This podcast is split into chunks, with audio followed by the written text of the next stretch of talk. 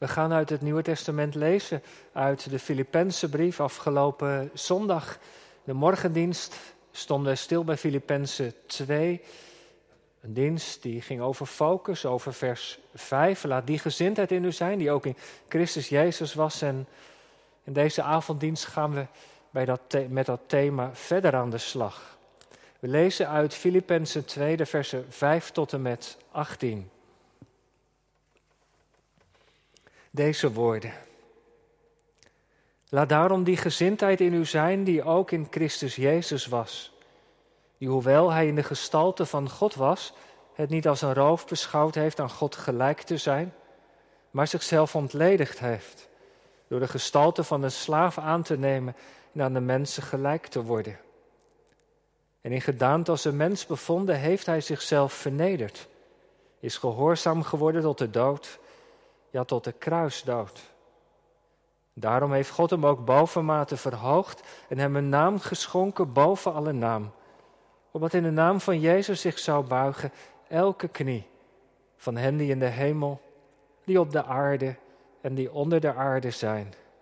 En dat elke tong zou beleiden dat Jezus Christus Heer is, tot heerlijkheid van God de Vader. Daarom, mijn geliefde, zoals u altijd gehoorzaam geweest bent, niet alleen zoals in mijn aanwezigheid, maar nu veel meer in mijn afwezigheid, werk aan uw eigen zaligheid met vrees en beven. Want het is God die in u werkt, zowel het willen als het werken naar zijn welbehagen. Doe alle dingen zonder morren en meningsverschillen, opdat u onberispelijk en oprecht zult zijn, kinderen van God, smetteloos te midden van een verkeerd en ontaard geslacht, waaronder u schijnt als lichten in de wereld. Door vast te houden aan het woord van het leven, mij tot roem met het oog op de dag van Christus, dat ik niet te vergeefs heb hard gelopen, mij ook niet te vergeefs heb ingespannen. Maar al word ik ook als een plengoffer uitgegoten over het offer en de bediening van uw geloof, ik verblijd mij en ik verblijd mij met u allen. En u verblijdt zich ook daarover. Verblijd u dan met mij. Tot zover de lezing van de woorden van God. We denken nou over dit Bijbelgedeelte in het bijzonder wat apostel Paulus schrijft in vers 12. De aansporing om aan hun zaligheid met vrees en beven te werken. En ook vers 15, de oproep om nou ja, de aansporing om als lichten te schijnen in een donkere wereld. En na de preek zingen we uit het liedboek een gezang wat ook ja, met deze roeping te maken heeft. Gezang 481, vers 1, 2 en 4. En dat lied zingen we dan als antwoord. Ik heb als thema aan de preek gegeven: werken aan je zaligheid in coronatijd. Gemeente van Christus, broeders en zusters, is wel een beetje een vreemde titel voor de preek, vindt u niet?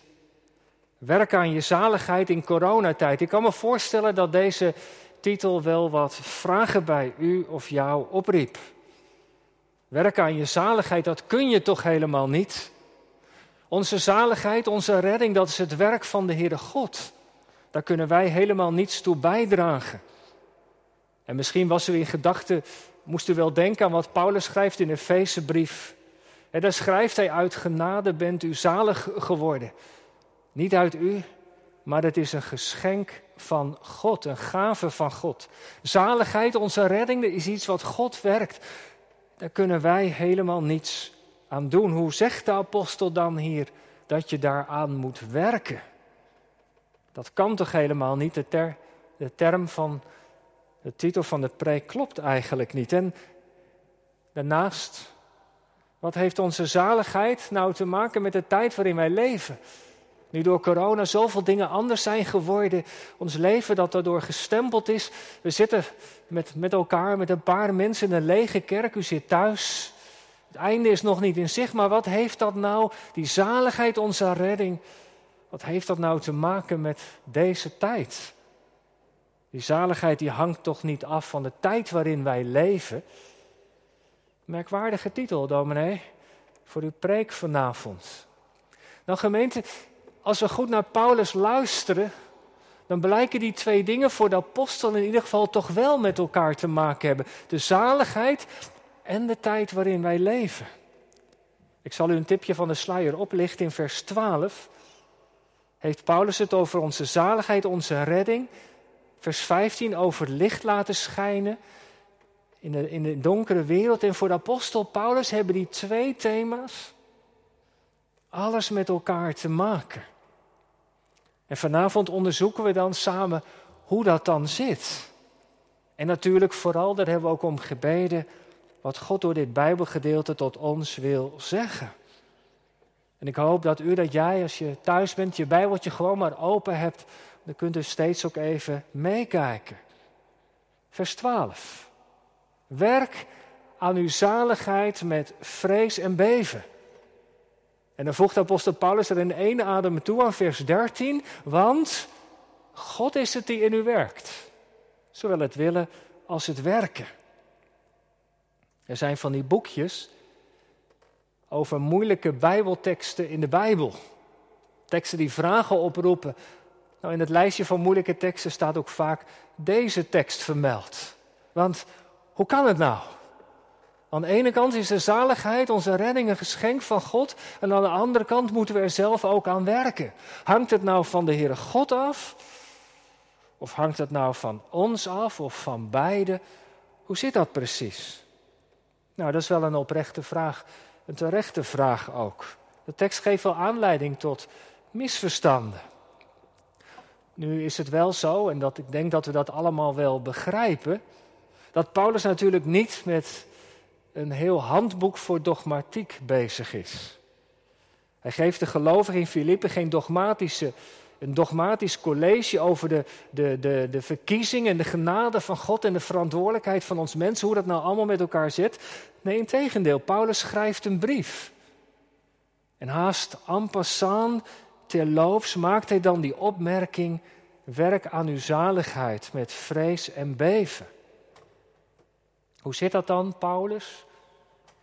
Nou, kijk even mee nog naar het begin van vers 12. Daarin ligt, denk ik, een belangrijke sleutel. Het vers is als het ware een soort conclusie. Daarom, mijn geliefde. Het daarom wijst naar wat vooraf ging. Afgelopen zondag stonden we daarbij stil, bij dat indrukwekkende lied wat Paulus daar in de Filippense brief opneemt. waar Paulus op een weergeloze wijze iets vertelt over de Heer Jezus, die de weg die onze heiland is gegaan. Die bereid was om de hemelse heerlijkheid, de hemelse zaligheid los te laten.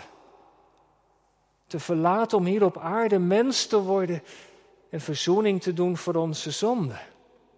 Jezus die die diepe weg vanuit de hemel naar beneden wilde gaan, bereid was om zelfs aan het kruis zich te laten nagelen, om verloren zonen en dochters te redden, om die weer terug te brengen in de gemeenschap met God de Vader. Die weg naar beneden, die trappen van vernedering, worden gevolgd door de trappen van de verhoging. De Jezus in die weg van zelfopoffering en vernedering is ook door de de Vader beloont, bekroont met eer en heerlijkheid. Die weg die in de vorm van een vee gaat. Apostel Paulus beschrijft die weg in dat prachtige lied. Maar hij legt het accent vooral op het eerste, op de weg van vernedering. Want er waren problemen gerezen in de gemeente van Filippi. En Paulus gebruikt het voorbeeld van de Jezus om de broeders en zusters daar aan te sporen. Zie je die heiland? Zie je hoe hij vanuit de hemel naar beneden daalde? Hoe hij bereid was zich prijs te geven van zijn troon af te komen, de minste te zijn. Nou, dat is wat jullie nodig hebben. Wil je samen gemeente kunnen zijn, daar in die stad Filippi, dan moet je die gezindheid hebben die ook de Heer Jezus had. Een prachtige aansporing. Maar dat appel vraagt natuurlijk ook wel om een concrete uitwerking. En daar komen we nu bij, bij vers 12. Daarom dus, als dat dan zo is, als Jezus die weg voor ons is gegaan, wat betekent dat dan voor ons concreet? Mijn geliefde, luister. Jullie zijn nu verantwoordelijk om aan je zaligheid te werken. Het Griekse woordje dat apostel Paulus gebruikt, kan ons al wat verder helpen. Dat betekent namelijk, kat erga kan zijn, betekent uitwerken. Je mag het zelfs ook vertalen met toepassen. Paulus spoort de geloof in Filippi aan om in hun leven te gaan toepassen wat ze van de Heer Jezus hebben ontvangen en geleerd. Dat ze er als het ware naar gaan leven. In onze Bijbel staat daarom ook boven vers 12 een kopje aansporing tot heilig leven. En we kunnen deze aansporing van apostel Paulus beter begrijpen, denk ik, als we kijken naar dat woordje zaligheid.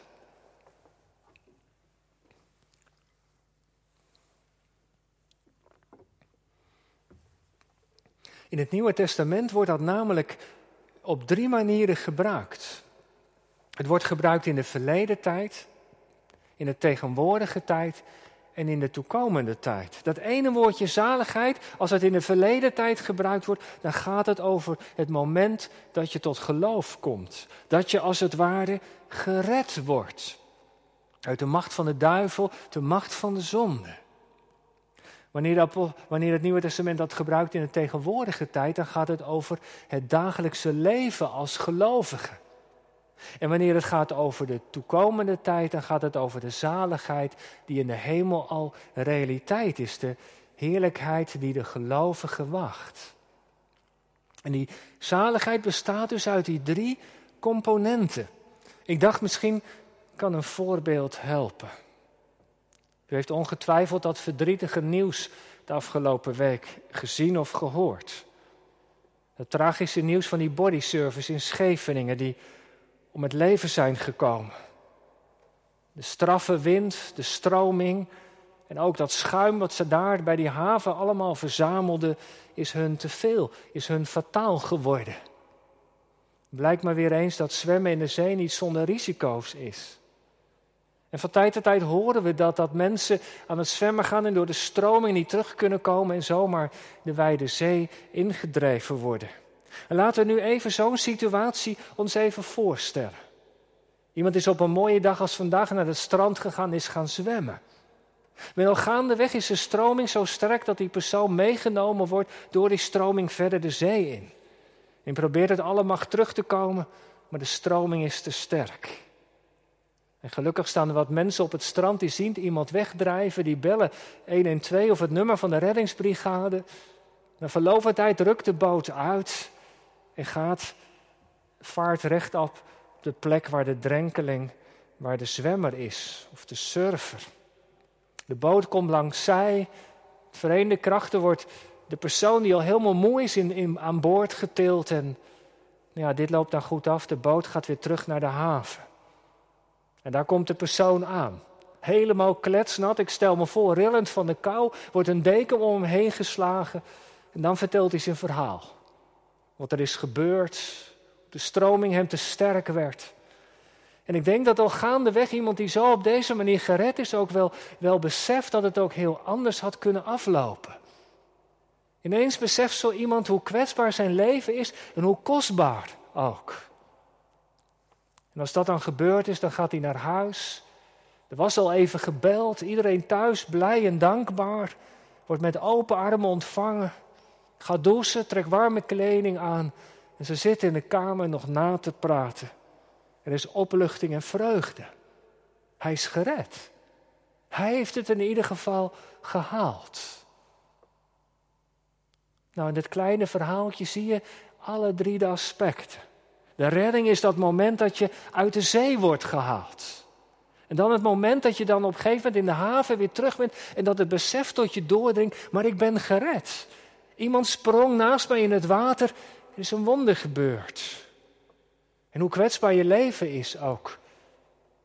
En dan daarna de thuiskomst, de verwondering, de dankbaarheid. In de dogmatiek gebruiken ze daar dan drie termen voor. Ik denk wel dat u ze kent, of jij. Rechtvaardiging, heiliging en verheerlijking. Rechtvaardiging, dat is het beginpunt. Als je tot geloof komt, dan word je door God gerechtvaardigd. Je wordt vrij van de straf op de zonde. Heiliging, dat is het leven van iemand die gered is. En die onder hulp, met hulp van de Heilige Geest vrijkomt van de macht van de zonde. En dan is er de verheerlijking, het moment dat God je thuis haalt en je definitief vrij bent van de besmetting van de zonde, vrij van de straf, vrij van de macht en vrij van de besmetting. De rechtvaardiging en de verheerlijking, het moment dat je gered wordt, in het, aan het begin, het begin van je christelijke leven, de verheerlijking aan het einde, maar daartussenin zit dan het leven uit het geloof, de heiliging. Nou, en daar gaat het over bij Paulus.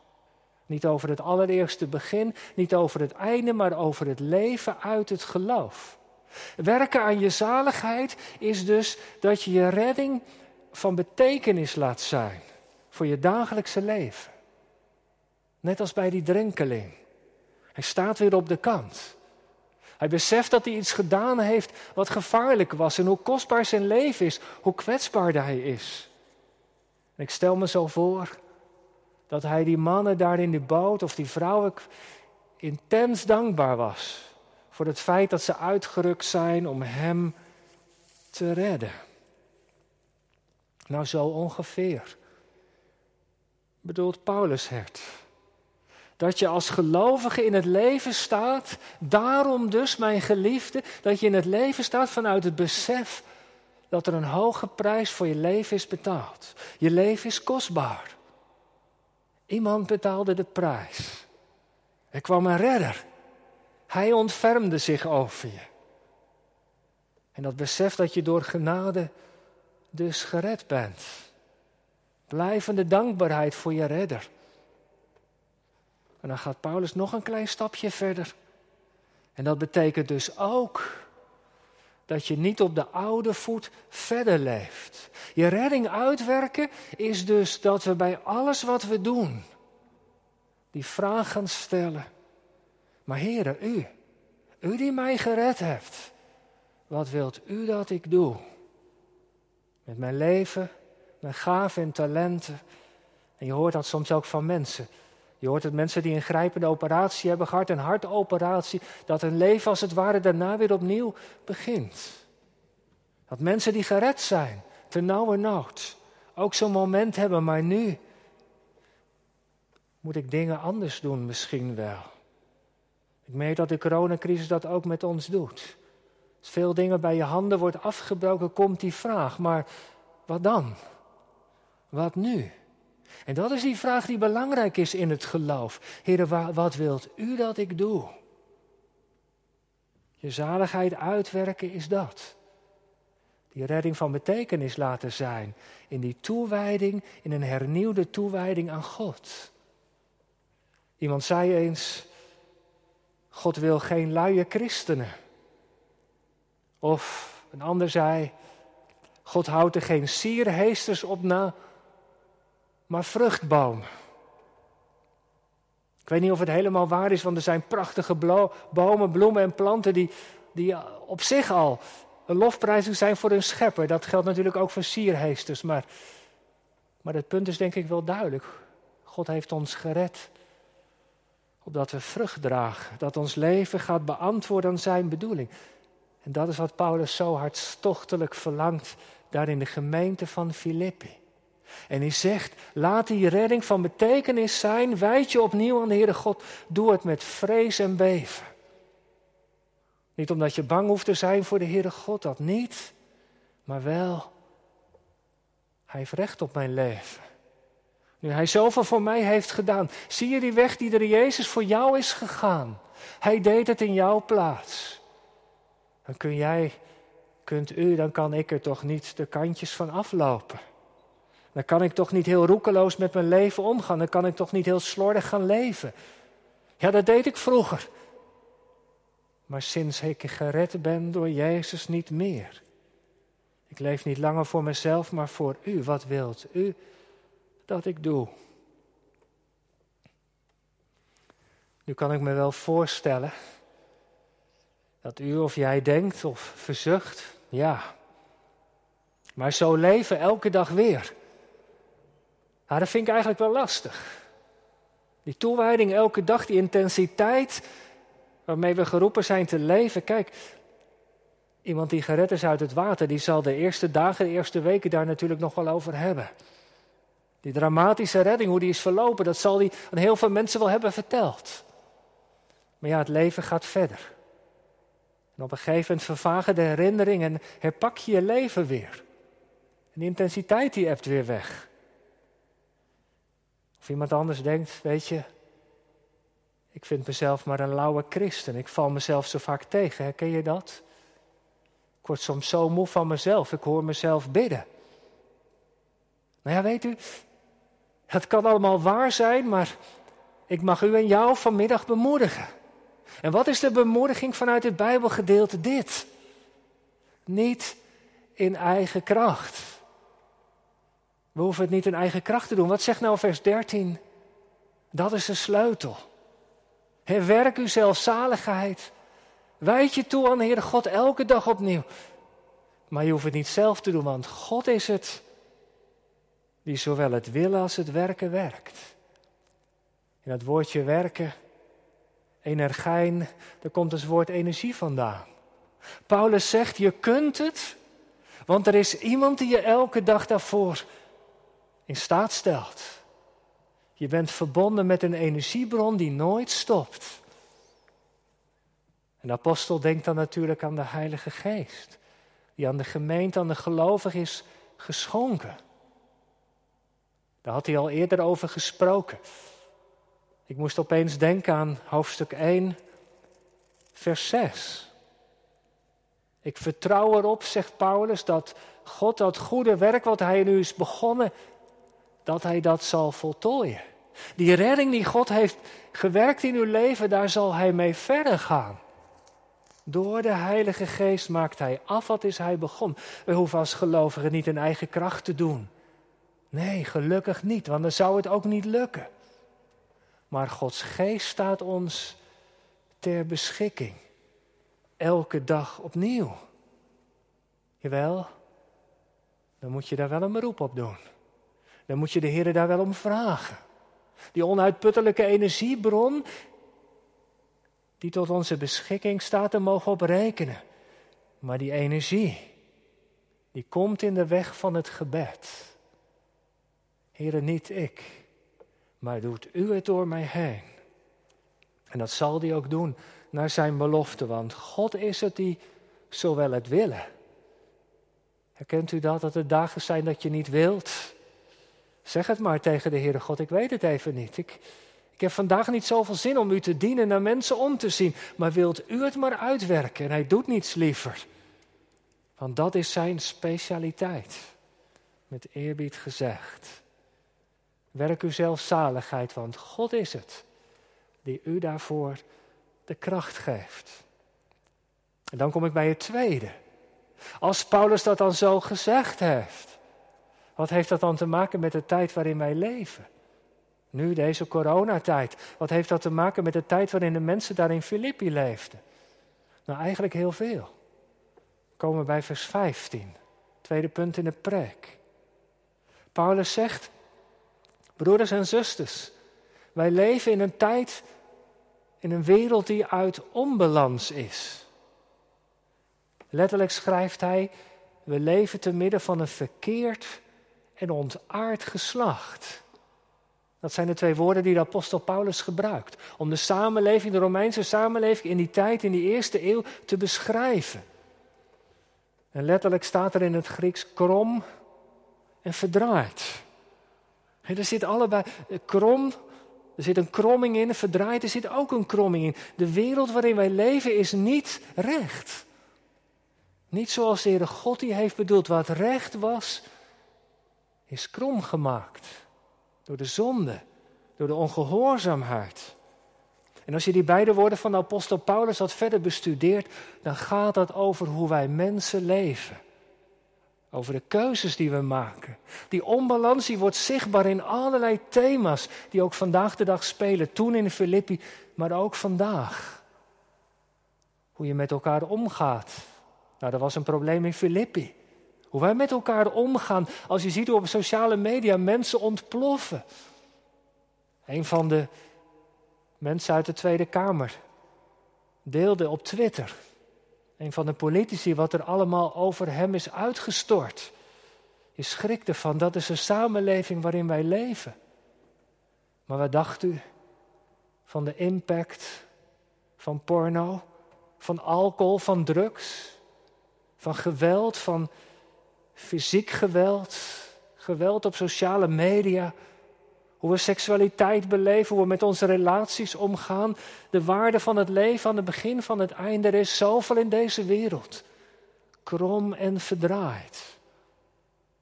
Vanmorgen ging het er al over. En komende zondag in de focusdienst hopen we er ook bij stil te staan. Wat dacht u van de schepping? Dieren en het milieu. Het virus van de zonde heeft zoveel kwaad gedaan. We zien het om ons heen. En we hebben er zelf ook nog aan meegedaan ook.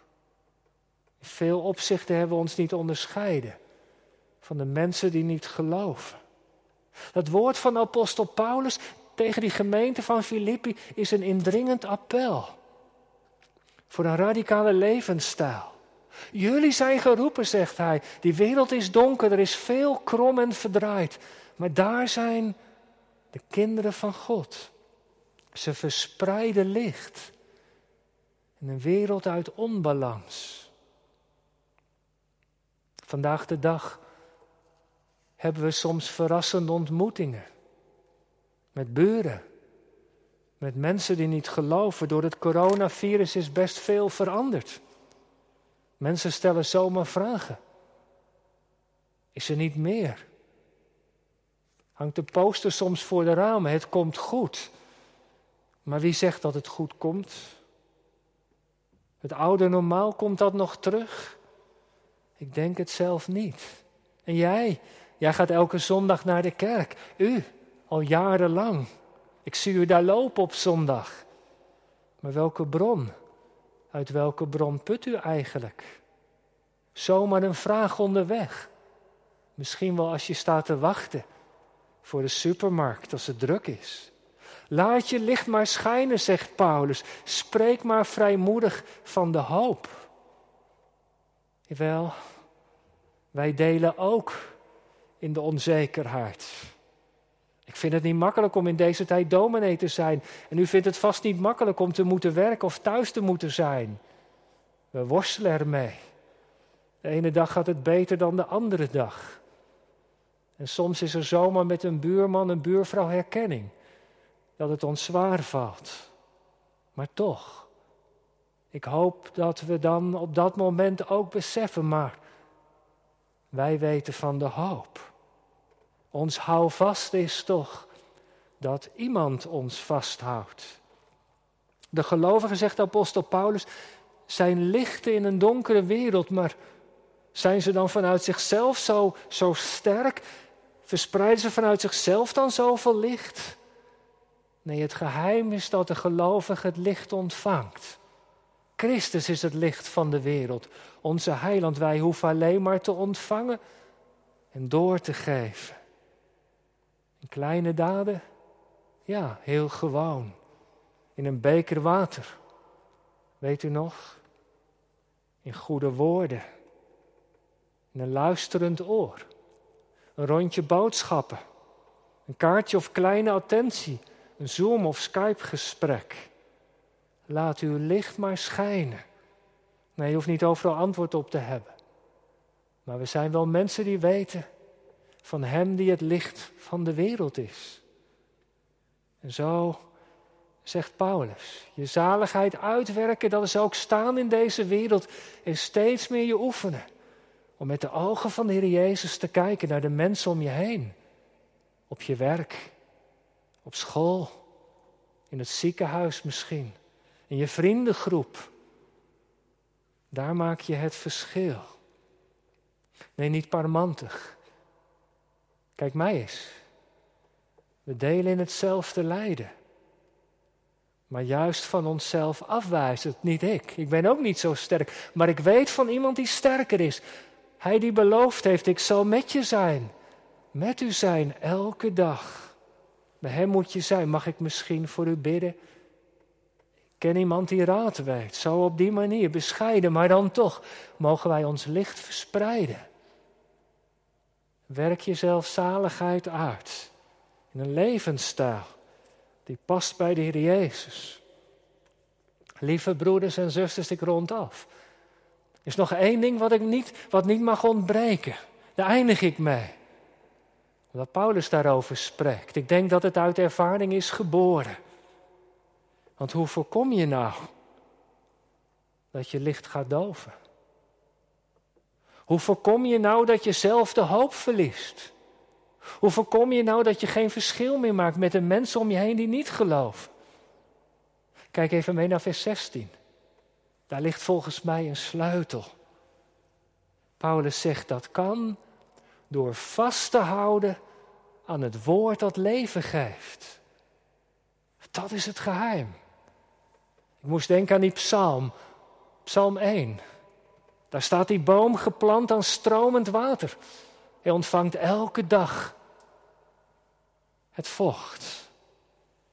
En zo draagt hij vrucht. Dat gaat over een gelovige.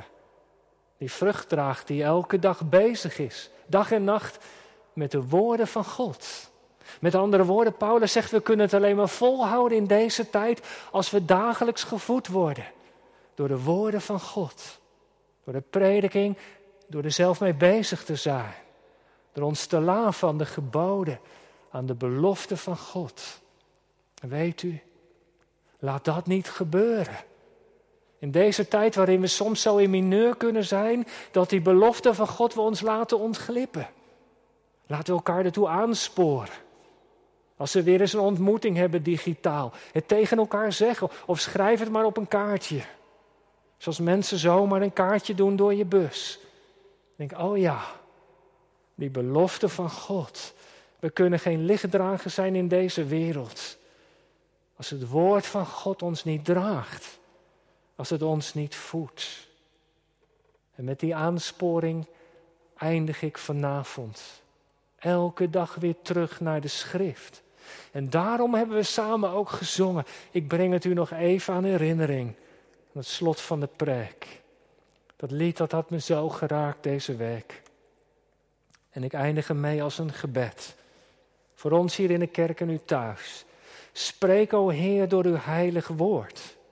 Dat ons hart u hoort en verzadigd wordt. Zou uw woord, plant het diep in ons en verander ons naar uw evenbeeld, zodat Christus licht in ons zichtbaar is. Onze daden maakt tot getuigenis. Spreek, o Heer, en voltooi in ons wat uw hand begon tot uw heerlijkheid. Amen.